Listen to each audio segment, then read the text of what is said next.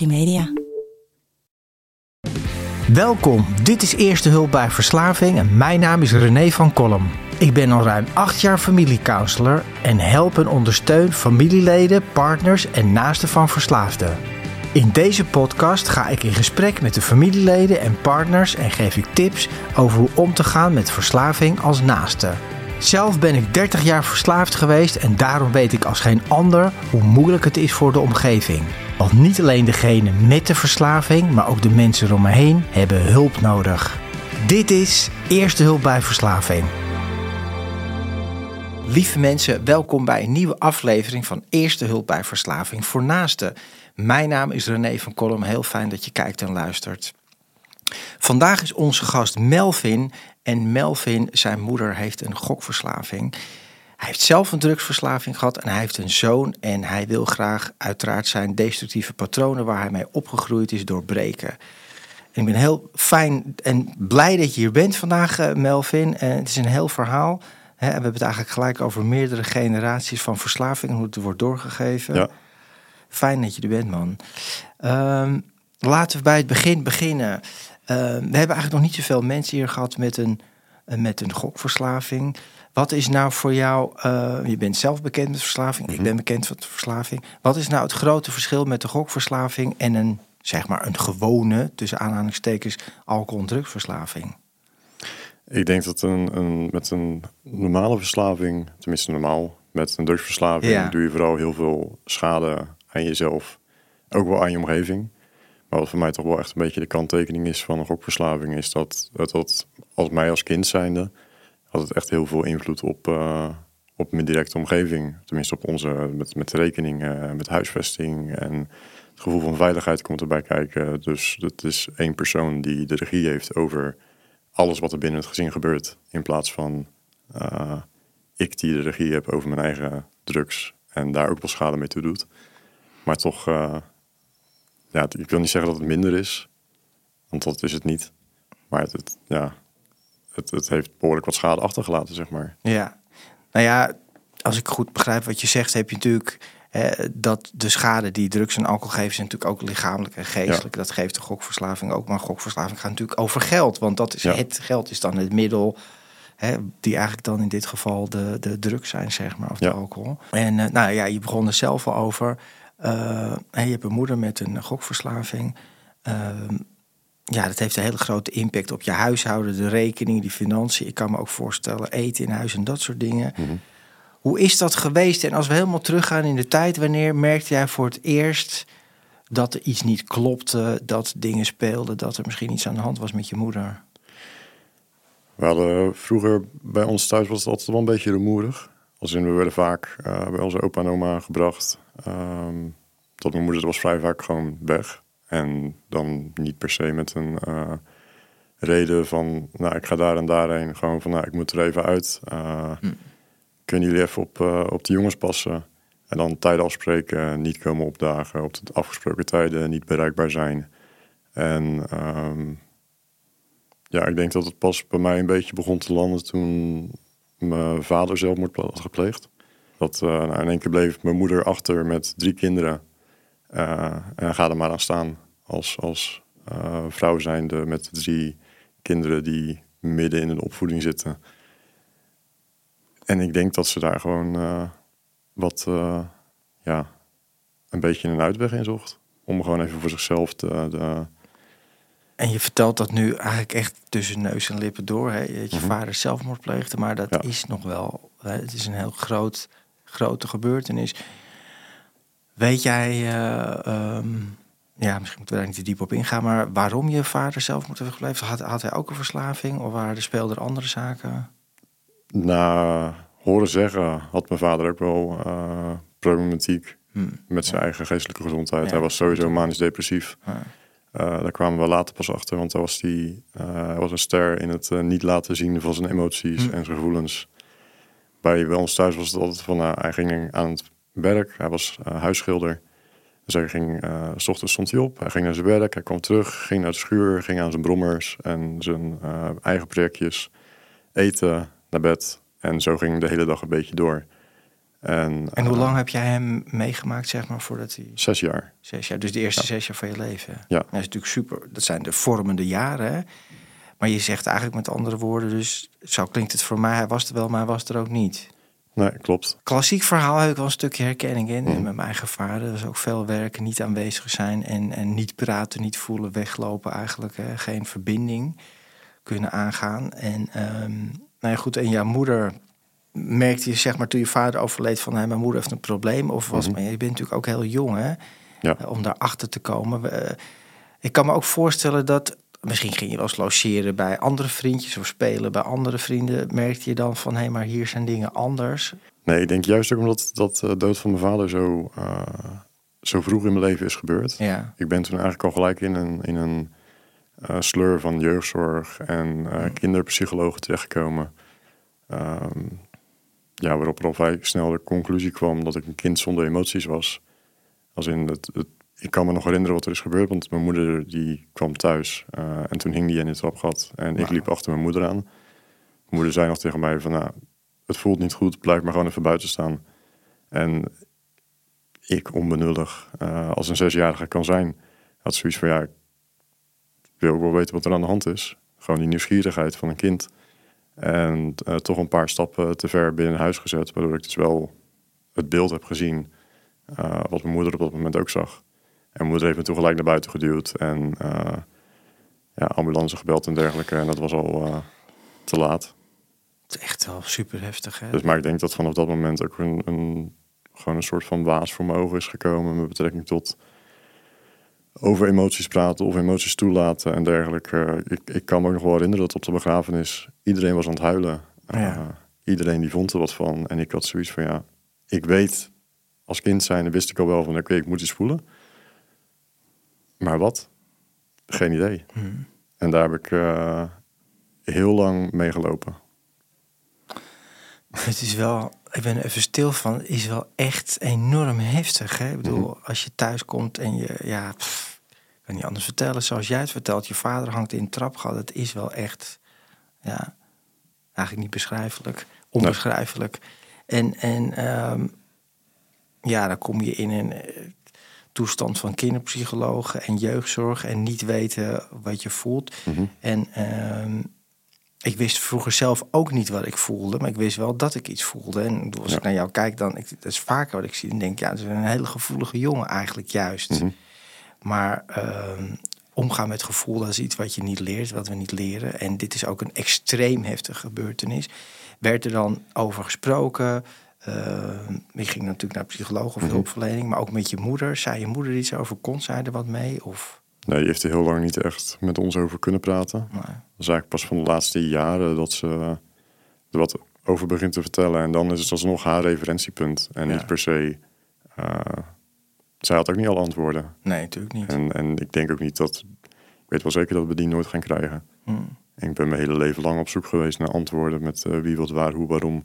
Ja. Zeker ook omdat ik zelf leid in depressie. En eh, dat, dat het eh, allemaal heel dichtbij komt nu. Ik word wat ouder. Ik heb een kind die dezelfde leeftijd nu is als Je dat het, zelf eh, vader. ja, Ja. als dat, eh, als dat die, als hij heeft maar de leeftijd die ik vroeger had toen dat gebeurde. ja.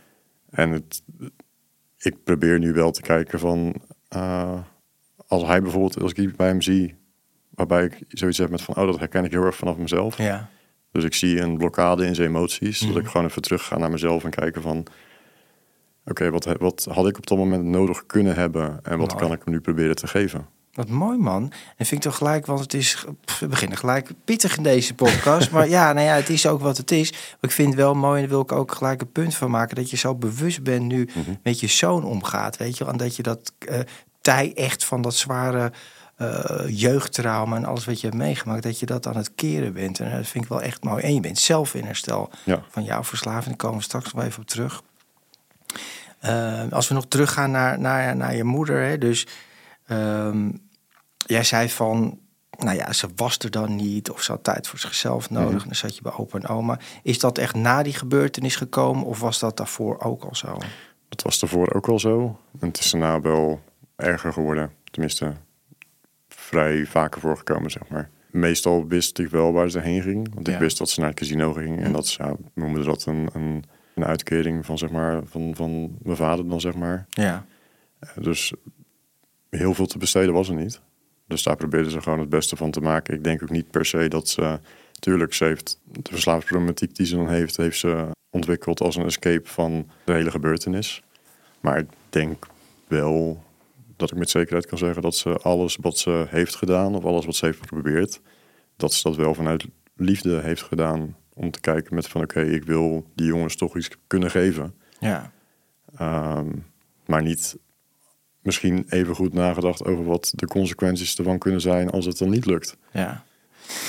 Nou ja, dat, dat, eh, dat, weet, dat weten jij en ik. Een verslaving doet je niet heel rationeel goed nadenken. Dus tuurlijk is die liefde er. En ik vind het mooi dat je dat ook zegt over je moeder. Dat dat, dat het gevoel er wel was. Maar ja, als je, zoals ik het zie en beleef, als je verslaving hebt, schiet je natuurlijk altijd tekort naar je naaste. Dus dat, dat kan eigenlijk niet anders, gewoon een feit. Ehm, maar als we dan eh, nog wat verder gaan in de tijd. Dus je zegt, nou ja, je moeder. En voor mij klinkt het eigenlijk zo dat je ouders er eigenlijk alle twee niet echt geweest zijn voor jou. Nee, Nee. Dus emotioneel niet, maar ook op een stuk fysiek niet. Ehm, toen je later opgroeide, kwam je toen merkte je toen dat er echt dingen niet knopten, van- kn- eh, klopten. Van nou, er is geen geld of de rekeningen worden niet betaald waar je mee begon. Hè? Ja. Hoe uitte zich dat? vooral in, in huisvesting. Na de, na de dood van mijn vader zijn we heel vaak eh, verhuisd geweest. We hebben toen een tijdje bij mijn opa en oma ingewoond. En toen zijn we eigenlijk uit de hele, uit de hele sfeer van de sociale huur gegaan. Mhm. Waardoor we toen weer aan een huurhuis te komen via de sociale huur. Dat, dat was in die tijd ook gewoon al niet meer te doen. Nee. Dus toen werd het particulier huren. En nou, particulier is vrij duur. Dus dat zijn eh, huizen die maandelijks eh, 1000 euro eh, kosten. En ja, als je maar 1000 euro per maand binnenkrijgt, Dan gaat het niet gaat, werken. het gaat in één keer op. Ja, dan, dan kan je je huur niet meer betalen. Nou, dan komt gas, water, licht nog bij. En je wilt toch eten op de plank hebben. En, Ik zat net te denken, je zei van, nou we krijgen 1000 euro per maand en hebben we Mhm. een woning in de vrije sector. Maar hoe blijft er überhaupt nog geld over voor, laat staan voor gokken, voor je, voor je moeder dan, maar ook voor eten, drinken en dat soort dingen. Hoe ging dat dan?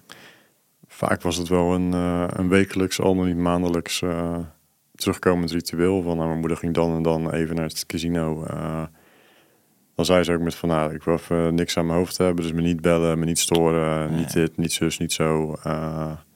En ze heeft heel vaak momenten gehad waarop het wel gewoon lukte. Waardoor denk ik ook gewoon de, de... En wat bedoel je met, sorry dat ik je onderbreek, maar dat het Mhm. lukte, wat bedoel je dan? Dat ze daadwerkelijk kon winnen. Ja, En- ja dat, is, dat is natuurlijk de... En die high bl- blijven creëren, zeg maar. Ik denk dat dat nooit heeft afgebogen tegen het verlies.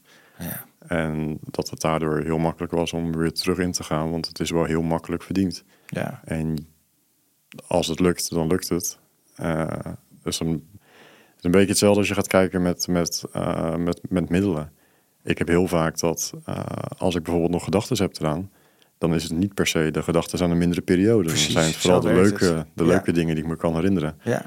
En ik denk dat dat op, dat op dat een beetje hetzelfde werkt. Ja, nee, ik zat ik helemaal, toen je dit zei, Mhm. dacht ik, ja, dit is precies ook weer een definitie van verslaving. Dat we de, de highs, hè, dat is waar je op focus die je blijft onthouden. Dat is, Ja. je beloning. Hè, dat, dat hou je in je gedachten. En alle ellende, nadigheid, dat stop je ergens weg. Of dat vergeet je dan. Het blijft een, een heel bijzonder fenomeen hè, dat dat werkt zo in, Ja. in een mensenpsyche. Maar zo Ja, gaat en- het wel. En, en de rekening eh, en dergelijke, daar werd gewoon niet over gesproken. Ja, ja, Negeer het probleem maar lang genoeg en dan gaat het vanzelf weg. ja dat, Hoop je. Hoop je? Ja. Zo werkt het niet. Ik heb het ook eh, heel lang geprobeerd dingen niet te betalen, maar het ging toch niet weg. Maar goed, dus dan heb je natuurlijk, dan lopen er, ik, maak, ik lach er nu op, maar het is natuurlijk helemaal niet grappig. Maar dan komen natuurlijk rekeningen en schulden en ja, Ja. incasso's. En, Schuldeisers, Ja. deurwaarders. en, en hoe, wat merkte jij daarvan? Of hoe had je daar last van, zeg maar? Ik, ik groeide er vooral een beetje mee op. Dus eh, Was normaal. Ja, Ja. al- Als, ik, als ik vandaag de dag met mensen praat, zoals nu bijvoorbeeld ook met jou, dat je zegt met van ja, het is allemaal heel heftig eh, wat er is gebeurd en het klinkt allemaal heel heftig. Totdat ik zelf in herstel kwam, had ik nooit nagedacht over dat het heel heftig geweest zou zijn. Want toen omschreef ik mijn jeugd nog steeds als normaal. Ik had geen referentiemateriaal, omdat Ja, ik altijd een beetje het buitenbeentje was. Nooit ergens aansluiting kon vinden. Mm. Dus ehm, voor mij was het normaal. Dat was mijn leven. Ja. Nou ja, dat is natuurlijk ook wat het is. Hè. Als je niet weet wat er anders is of wat gezonder is. Mhm. Normaal, weet, ik weet überhaupt niet wat normaal is, dat is de wereld uit. Maar wat gezonder is, wat beter is, wat eh, liefdevoller is. eh, dan weet je ook niet dat waar jij in leeft, dat dat nou niet, dat niet het geval is. Hè. Niet Nee. gezond en niet liefdevol. En heb jij, ik kan me ook voorstellen, heb je je moeder gemist? Gewoon in contact? Of was, of was ze er wel? Of was ze, hoe, werkte dat? Ze was er op haar manier. Dus eh, alles wat ze tekort kwam in het geven van liefde en aandacht, Ja. ging hem in materiële dingen zitten. Dus op het moment dat ik iets wilde, dan eh, kreeg ik het ook gewoon. Ja, En eh, zo probeerde ze altijd een beetje tevreden te houden. En dan van ja, niet zeuren, maar ik heb je toch dat en dat en dat gegeven. Dus jij hebt geen recht van spreken, want ik heb, ik heb de bovenhand. ja. Maar dat klinkt dan toch, eh, even heel bot gezegd, dat je soort afgekocht bent met spullen, zeg maar, met materie. Ja, Ja, nou ja. Dus dan, en ik begrijp hè, dat je zegt, ik heb Mhm. geen referentiekader, maar stel ook nog een keer die vraag, heb je dan niet toch je moeder gemist, achteraf gezien van hey, die liefde of die aandacht? ja zeker. Ja, dat kan natuurlijk niet anders, hè? Nee, ik denk ook nog nooit. Dat had ik pas geleden had ik het erover met iemand dat ik. eh, ik heb er voor mezelf een gewoonte van gemaakt. Dat elke avond als ik mijn zoontje op bed leg, kijk hem recht in zijn ogen aan. Zeg ik: Ik hou van je. En dan krijg ik terug: Ik hou ook van jou. Ja, Omdat ik eigenlijk nooit van zowel mijn vader als mijn moeder nooit het horen heb gekregen met van joh, ik hou van je. Of gewoon even die arm om je heen. Of gewoon even die, die steun die je op dat moment nodig hebt. Op het moment dat je je eigen bedroefd voelt. Ja. Of, of er gewoon niet zo heel lekker in je vel zit. mooi. Ja, ik voel dat heel erg, dat raakt me ook wel, ja. Ja, daar gaat het om. Weet je, ook al ben je niet bedroefd of heb je, eh, iedereen heeft steun nodig. Weet je, we hebben allemaal steun nodig in ons leven. Zeker als je klein bent, maar ook als je oud bent. Dat zoiets simpels en relatief makkelijks en het kost geen geld, maar wel aandacht en liefde is zo belangrijk. Ja. En, zo mooi omdat je daar zo bewust van bent, Melvin, om dat nu wel bij jouw zoon te doen. Mhm. En als we wat verder gaan in de tijd. ehm, je zegt ja, het was normaal, hè? dus dan verhuizen, rekening werd betaald. Wa- Waren er echt momenten dat het echt zeg maar, oké, nu een groot probleem, of dat je moeder in de stress was en, en dat je er echt last van had? Ik zeg maar, zeg dat echt dingen misgingen. Ja, dat is toch wel het, eh, het, het jaarlijkse terugkomende verhuizen, zeg maar.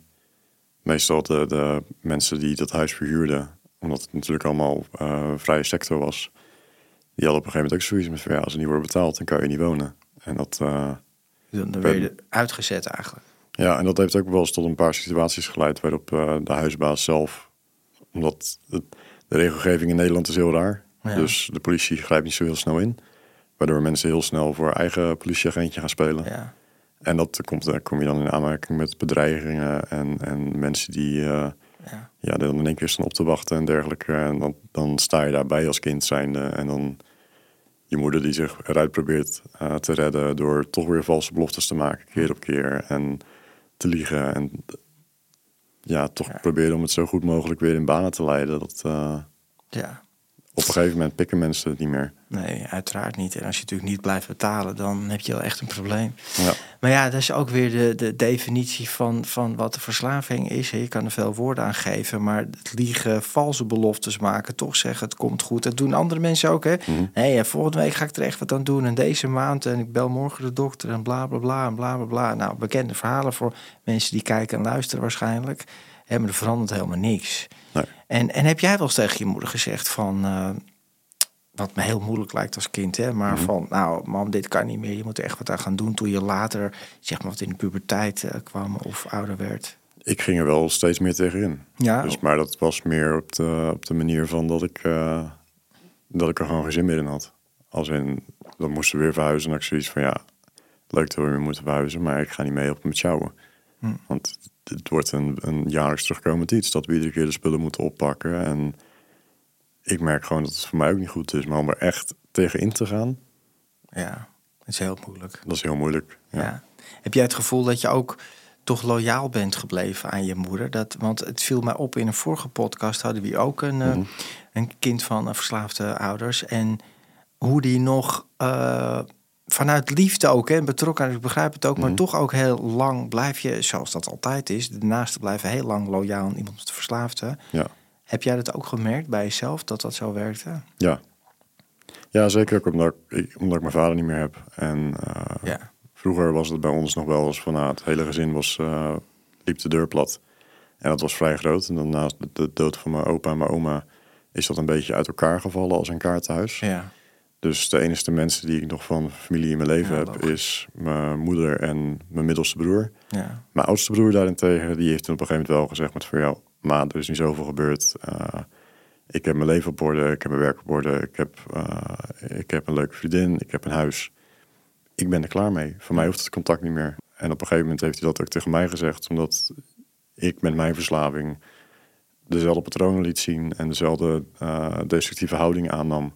Waarop hij zoiets had van ja, op het moment dat je dat gedrag gaat vertonen, dan hoef ik je niet meer in mijn leven. Ja. Hij heeft echt zijn grenzen aangegeven wat dat betreft. Ja. wat wel gezond is voor hem, maar ook wel ja, ook weer heftig is. hè. Mhm. Het is natuurlijk ook heel super pijnlijk allemaal. En ehm, nou, jij begint er zelf over. Je hebt zelf ook een verslaving gekregen. Ja. Want dat is natuurlijk heel bizar, maar dat, ge- dat gebeurt. En eh, ook al wil je dat niet van. Dan heb je eigenlijk bij je moeder gezien in de omgeving hoe het niet moet. Mhm. En toch gaan we dat dan juist wel doen. Hè, hoe, hoe is dat bij jou ja, teweeg gekomen, jouw eigen verslaving? Ik denk dat mijn verslaving er sowieso altijd al wel op ingezeten. En dat het ook bijna als een soort opvoeding mee is gegaan. Met het liegen en het Hm. manipuleren. En wat ik wilde kon ik krijgen.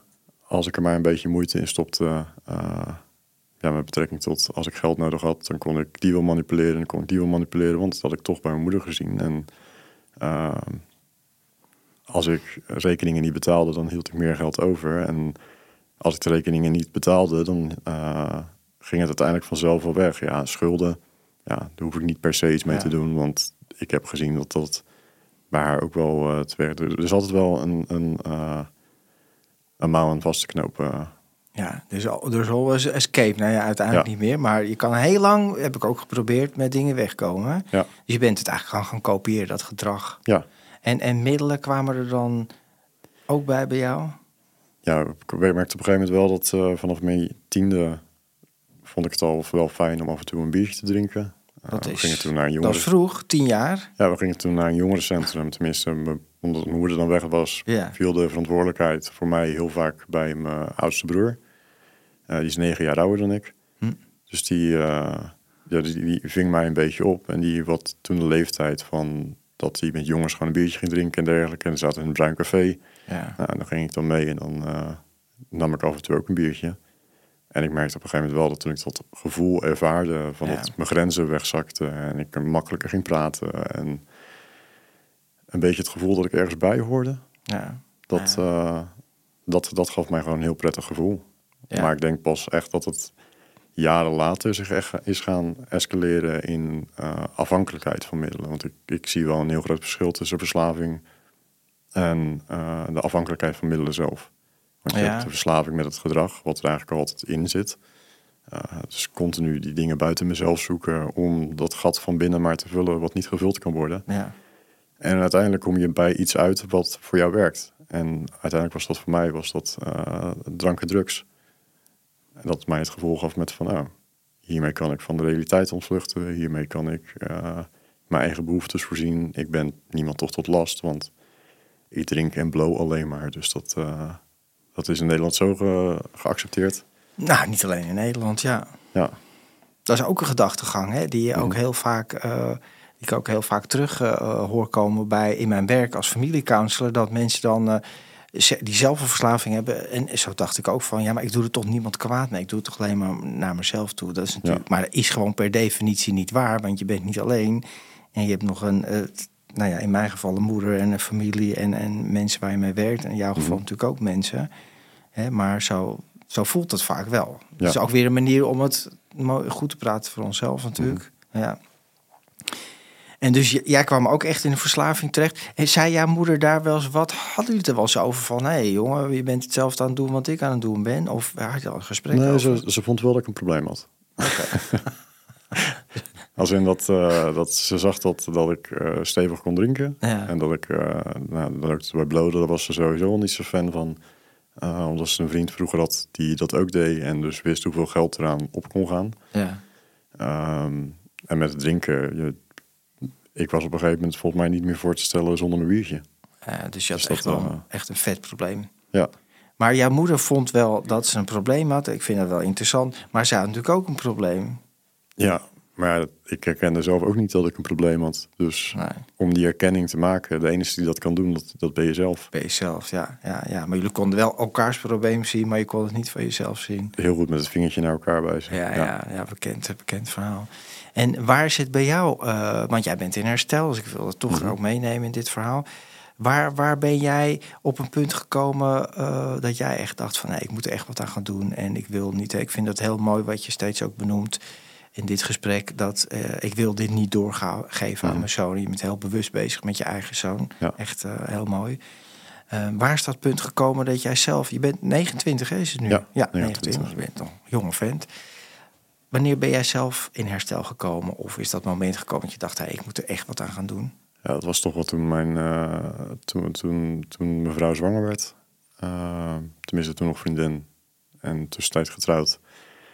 Ehm, ja, toen, toen zag ik in één keer weer dat hele beeld van mijn vader die hing in het trapgat. Hm. Alleen, eh, ik zag mezelf hangen en zag haar en eh, mijn zoontje op de plek staan waar mijn moeder en ik stonden.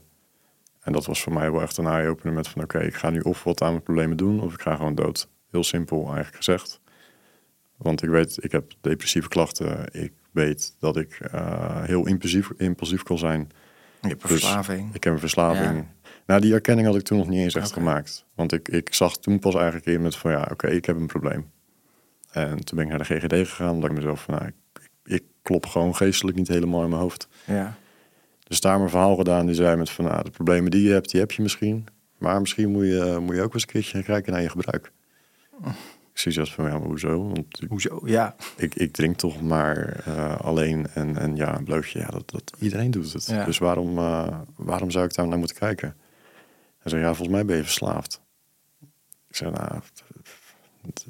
Dat wou je niet horen.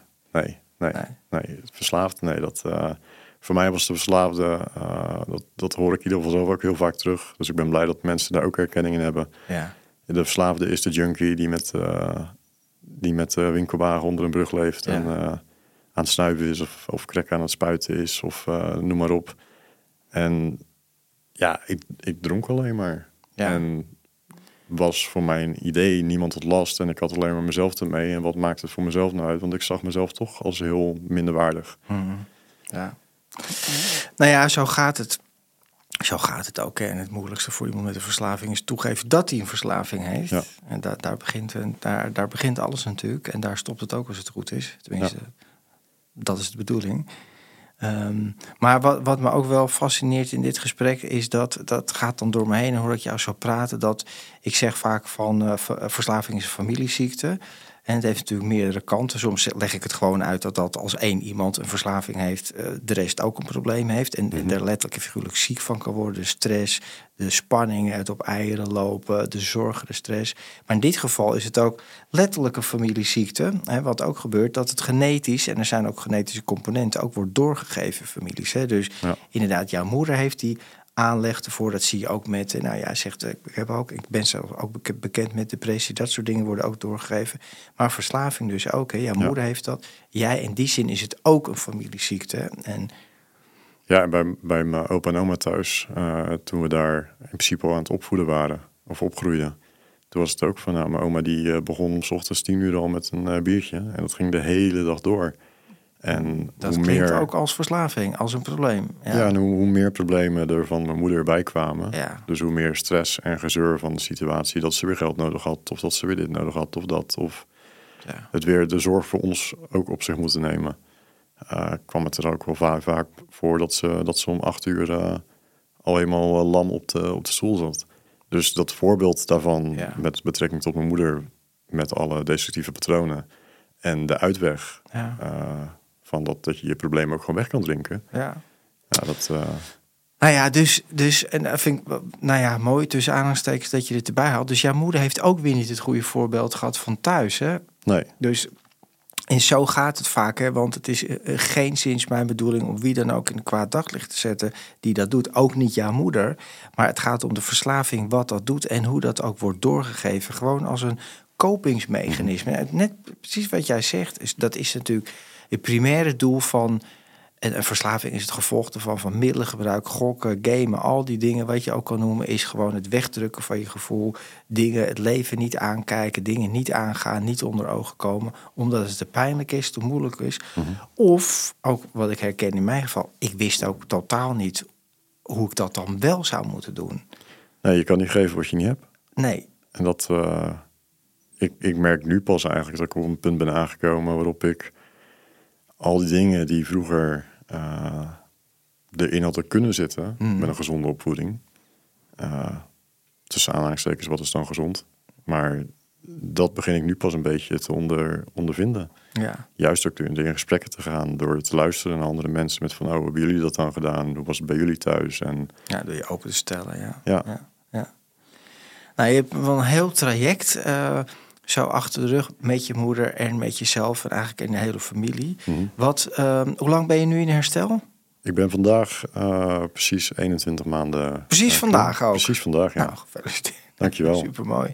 En Ja. ik ben, maar ik ben er al wel zes jaar mee bezig. Ja. Dus echt sinds, eh, sinds mijn zoontje er is. Maar ik heb het heel lang ook voor hem gedaan. En dan weer voor die en dan weer voor die. En dat is ook zoiets. Ik, ik kan het niet voor een ander doen. Ik moet het echt voor mezelf doen. Ja. En pas toen ik dat zelf inzag, dat ik al zo vaak weer op mijn bek was gegaan en zo vaak weer moest vechten, dat ik op een gegeven moment zoiets had van ja, ik, ik, ik kan niet meer. Of ik ga het nu echt voor mezelf doen, of eh, ja, dat is het, het einde is er gewoon. Ja, ja. Maar goed, je zoontje hoor ik wel als een belangrijke drijfveer. Maar uiteindelijk is het ook zo, ik ben ook vader. Hè, en ik ken heel veel mensen met de verslaving die kinderen hebben, natuurlijk een partner hebben. Want je hebt altijd mensen om je heen. Maar daar kan je het niet voor doen, daar moet je het ook niet voor doen. En je moet het echt voor jezelf doen. En, want anders gaat het absoluut niet werken. Ja, Maar ik vind het wel heel belangrijk dat je die informatie, dat bewustzijn van, ja, wat ga ik straks doorgeven? Anders ga ik er zelf ook letterlijk en figuurlijk aan. En Ja. mijn zoontje, dat wil je hem niet aandoen. nee, maar ik krijg ook wel heel vaak bijvoorbeeld de vraag van mensen met van ja, maar ben je niet bang dat je eigen zoontje zo meteen dan ook juist wel Ja. verslaafd wordt? En ja, tuurlijk is er iets wat ik er tegen kan doen. Behalve wat ik nu doe, dus zelf in herstel zijn, Precies. zelf het goede voorbeeld geven. Dat is het En laten zien dat je over je problemen mag praten, Ja. dat, je, dat je emoties te mogen zijn. Dat er altijd een oplossing is en dat er altijd een keuze is. Ja, maar dat is toch fantastisch, Melvin? En dat, eh, Dat je dat precies het tegenover, dat je dat doorgeeft. ja, En zo doorbreek je ook die hele familie eh, schakels. hè, van dat niet praten, niet voelen en wegdrinken, wegstoppen, weggokken, maakt niet uit. Ja. Hè, om dat nu juist wel te gaan doen, dat is wel echt heel knap. ja, dan gaat het soms ook mee. eh, ik, ik volg dan meetings eh, Ja. om, om gewoon op stuk gestructureerde basis aan mijn herstel te werken. En dan gaat hij af en toe ook mee, omdat hij het ook gewoon leuk vindt. Dus meestal dan zijn ze een mijlpaal. Hoe oud is hij nu? Hij is nu zes. Zes. Dus toen ik een jaar clean was, is hij meegegaan. En toen ik 18 maanden clean was, is hij meegegaan. En dan is het tijdens de meeting eh, gewoon koptelefoon op tablet vast. Dat hem een beetje afzondert voor Ja. de shares en dergelijke die je daar dan hoort. Want dat is niet per se iets voor de oren van een kind. Ja. En dan tijdens de mijlpalen vindt hij dat helemaal geweldig om eh, mee te klappen en mee te joelen. En thuis hebben we het er ook wel over, want dan ziet hij andere mensen iets drinken. En dan vraagt hij aan mij van, hey, eh, waarom drink jij niet? Tenminste, zo letterlijk zegt hij niet. Ja. Maar ik probeer hem wel mee te nemen in het, in het proces van... Ja, ik ik, denk ik, dit- kan iets niet doen. En hoe leg ik dat aan hem uit? Jij bent gek op chocola. Als jij één snoepje neemt, kan je niet meer stoppen. Nou, als ik één biertje neem, kan ik ook niet stoppen. Ja. Dan ga ik net zo lang door totdat ik er ziek van word. En die realisatie door het gewoon heel Jip en Janneke te houden met hem, snapt hij het wel. En hij weet ook dat ik dat als ik bijvoorbeeld s'avonds wegga omdat ik naar een meeting ga, dat hij dat ook kan zien dat ik dat doe om er beter van terug te komen. Ja. Nou, ik vind het wel echt heel mooi hoor. Ik heb dat nog niet eerder gehoord zo op deze manier. Het bewustzijn wat je daarin meeneemt, Melvin, naar, naar je zoon toe. En voor de mensen die niet weten wat een mijlpaal is, dat is, Mhm. eh, want heel veel mensen. Hey, ik heb het heel vaak in deze podcast over het 12-stap-programma, de meetings, de lotgenoten, het verbinden met elkaar, het delen met andere mensen die dezelfde ervaring hebben, maar in herstel zijn van een verslaving. Maar een mijlpaal is aan het begin of het einde van een meeting, ik leg hem even uit. Dan eh, wordt inderdaad, hoe lang is iemand clean? 30 dagen en een maand. Nou, dan gaat iedereen klappen en dan ga je Ja. opstaan. En dan krijg je zo'n eh, eh, plastic sleutelhangertje van 10 cent. Maar dat betekent de wereld, dat is iets fantastisch. En ik, dat was voor mij ook het moment dat ik in die meeting zag dat mensen clean konden worden. En Mhm. dat dat ge, ge- ja, gevierd werd en dat dat iets belangrijk was. Dat heeft ook heel veel gedaan. Ja. Maar ja, het is heel bijzonder dat je je zoon eigenlijk in die energie al meeneemt. Hè? En een bewustzijn daar, dat, is, dat helpt. En dat je natuurlijk zelf Ja. in herstel bent. En wat is nou, jij bent natuurlijk ook, nou ja, je bent zelf in herstel, maar je bent ook naast ervan. Wat, ehm, wat is jouw boodschap, zeg maar, voor andere mensen die dit herkennen, die naar luisteren, die naar kijken, eh, die zeggen van, hé, hey, ik herken wel wat in jouw verhaal. Hè? Mijn vrouw, mijn, mijn moeder, mijn vader, mijn kind, laat ook dit gedrag zien wat jouw moeder deed Ja. en wat je zelf deed. Wat kan jij nou als naaste aan hun meegeven? Ik denk toch wel gewoon goed voor jezelf te zorgen. Vergeet jezelf niet door, door mee te gaan in de behoeften van een ander. Als dat voorbij gaat aan je eigen behoeftes. Dat eh, is iets dat heb ik wel heel lang gedaan. Ik heb heel lang eh, doorgelopen om een ander maar te plezieren. Ja, En daar ging ik gewoon zelf aan kapot. En dat. eh, en dan gewoon een duidelijke grens stellen voor jezelf. Met van oké, wat wil ik? Mag ik die tijd voor mezelf nemen? Tuurlijk mag je die tijd voor jezelf nemen. Want je bent zelf net zo belangrijk. Dus je bent zelf de belangrijkste persoon in je leven. Want zonder jou in je leven ben je, ben je er zelf niet. Of bestaat je leven niet. Hm, nee. Dus dat, eh, dat is denk ik toch wel iets wat ik eh, zelf vroeger had fijn had gevoeld om te horen. Dat eh, ik mag er zijn. Ik mag mijn ruimte nemen. Ja. En ik heb ook rechten op bestaan en op, op een veilige omgeving en op een fijn leven. Nou, absoluut. Je hebt hele mooie dingen meegegeven. En dat zijn ook gelijk wat mij betreft eh, tips uit eh, deze podcast. Hè. Dat is echt zorgen voor jezelf. Hè. Dus dat, dat aandacht ook naar jou gaat. Want wat er altijd gebeurt... eh, nou, dat zal jij herkennen, maar dat herkennen anderen naast ook... dat de aandacht gaat altijd uit naar degene met het probleem. Maar je vergeet dat door jezelf. Je gaat daar over grenzen heen. Dat vertelde je ook heel mooi. Het gaat ten koste van jezelf. Hè. Je gaat eigenlijk overheen waar jouw behoefte zit. Of je doet dingen waar je eigenlijk voelt van binnen. Nou, nee, maar dan toch maar ja. Want diegene met het probleem, die trekt alle aandacht. Of die dwingt mij tot allerlei dingen. En dat is natuurlijk makkelijk gezegd en moeilijk te doen. Dat is een leerproces. Ja, Maar dat zijn wel hele mooie dingen. En hoe is het nu? Als je nu kijkt met, nou, jij bent in herstel, je neemt je zoontje daarin mee. Uh, maar ja, je moeder is. Hoe gaat het met je moeder nu? het gaat wel stabieler dan, uh, dan uh, toen ik op, uh, opgroeide. Ja. Als in ze kan nu tenminste een, een, een, huis vasthouden. af en toe heeft ze nog steeds wel de momenten dat ze die, die vluchtweg voor zichzelf zoekt op het moment Mhm. dat het te veel wordt. En ik heb zoiets van ja, dat is van haar. En zolang ik blijf gewoon naar, mez naar mezelf blijf kijken en blijf doen wat voor mij goed voelt. Kijk, ik probeerde wel een beetje op te zetten met mijn zoontje ook. Dat, uh, dat die, dat, ja, en dan tegelijkertijd oma's verwennen hun kleinkinderen nou altijd heel, heel Ja. erg graag. Voor mij komt het dan weer heel erg terug met uh, het afkopen van liefde. Dat ik zoiets heb met van ja, waar, waar zit dan dat verschil? En daar mag ik zelf naar kijken. En wat Ja. voelt voor mij goed? En gewoon een gesprek samen met mijn vrouw om te kijken wat, nou, wat vind jij ervan? En wat zijn onze regels en grenzen en hoe gaan we die hanteren?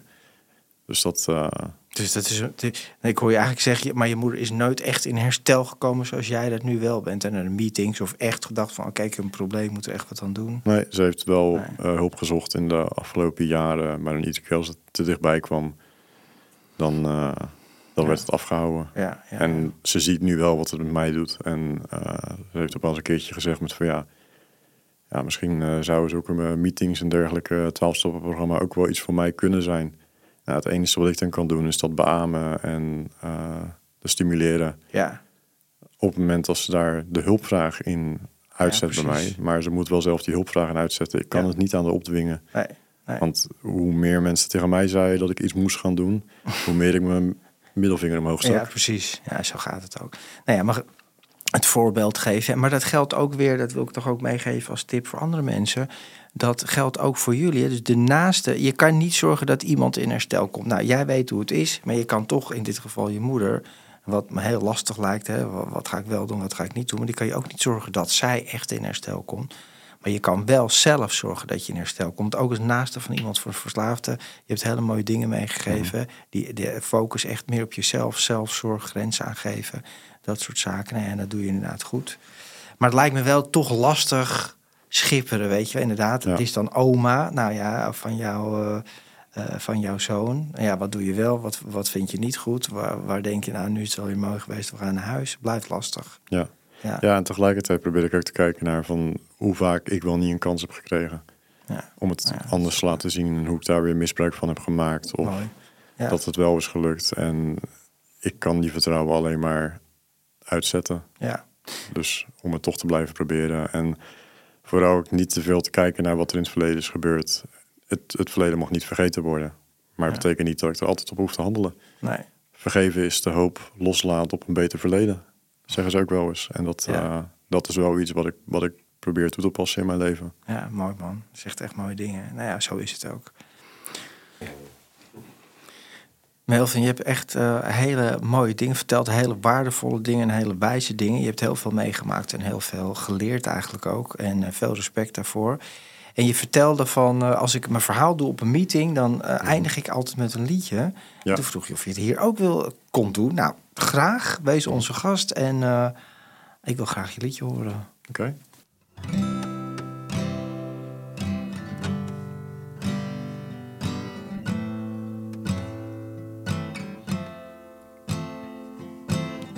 I'm going under, and this time I fear there's no one to save me. This all or nothing really got a way of driving me crazy. I need somebody to heal, somebody to know, somebody to have, somebody to hold. It's easy to say but it's never the same.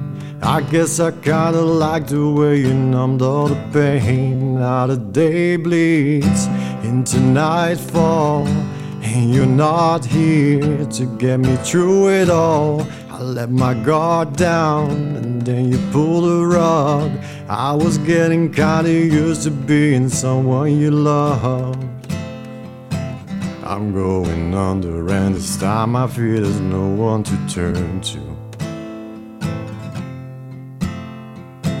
This all or nothing way of loving got me sleeping without you. Now I need somebody to know, somebody to heal, somebody to have, just to know how it feels. It's easy to say, but it's never the same. I guess I kinda like the way you help me escape. Now the day bleeds into nightfall, and you're not here to get me through it all. I let my guard down, then you pulled the rug. I was getting kinda used to being someone you love. And I tend to close my eyes when it hurts. Sometimes I fall into your arms. I'll be safe and sound till I come back round. Now the day bleeds into nightfall, and you're not here to get me through it all. I let my guard down then you pulled the rug. I was getting kinda used to being someone you loved. Now the day bleeds, it's nightfall. You're not here to get me through it all. I let my guard down, then you pulled the rug. I was getting kinda used to being someone you loved. I let my guard down, and you pulled the rug. I was getting kinda used to being someone you love.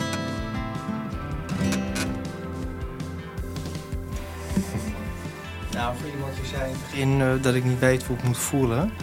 Nou, ik, er zit hier heel veel gevoel in. En volgens mij ben je ook een man met heel veel gevoel. Dus Dankjewel voor dit liedje en dankjewel voor uh, onze gast te zijn vandaag. Bedankt dat je hier mocht zijn. Lieve mensen, dank jullie wel voor het kijken en het luisteren naar deze podcast. Eerste hulp bij verslaving voor naasten. Onze gast was Melvin, mijn naam is René van Kolm en deel dit met andere mensen die dat waarschijnlijk nodig hebben, die er erkenning in hebben. Uh, abonneer je ook op deze podcast, op dit kanaal. En we hopen jullie heel graag te zien in de volgende aflevering bij de Eerste Hulp bij Verslaving. Dankjewel voor het kijken en het luisteren.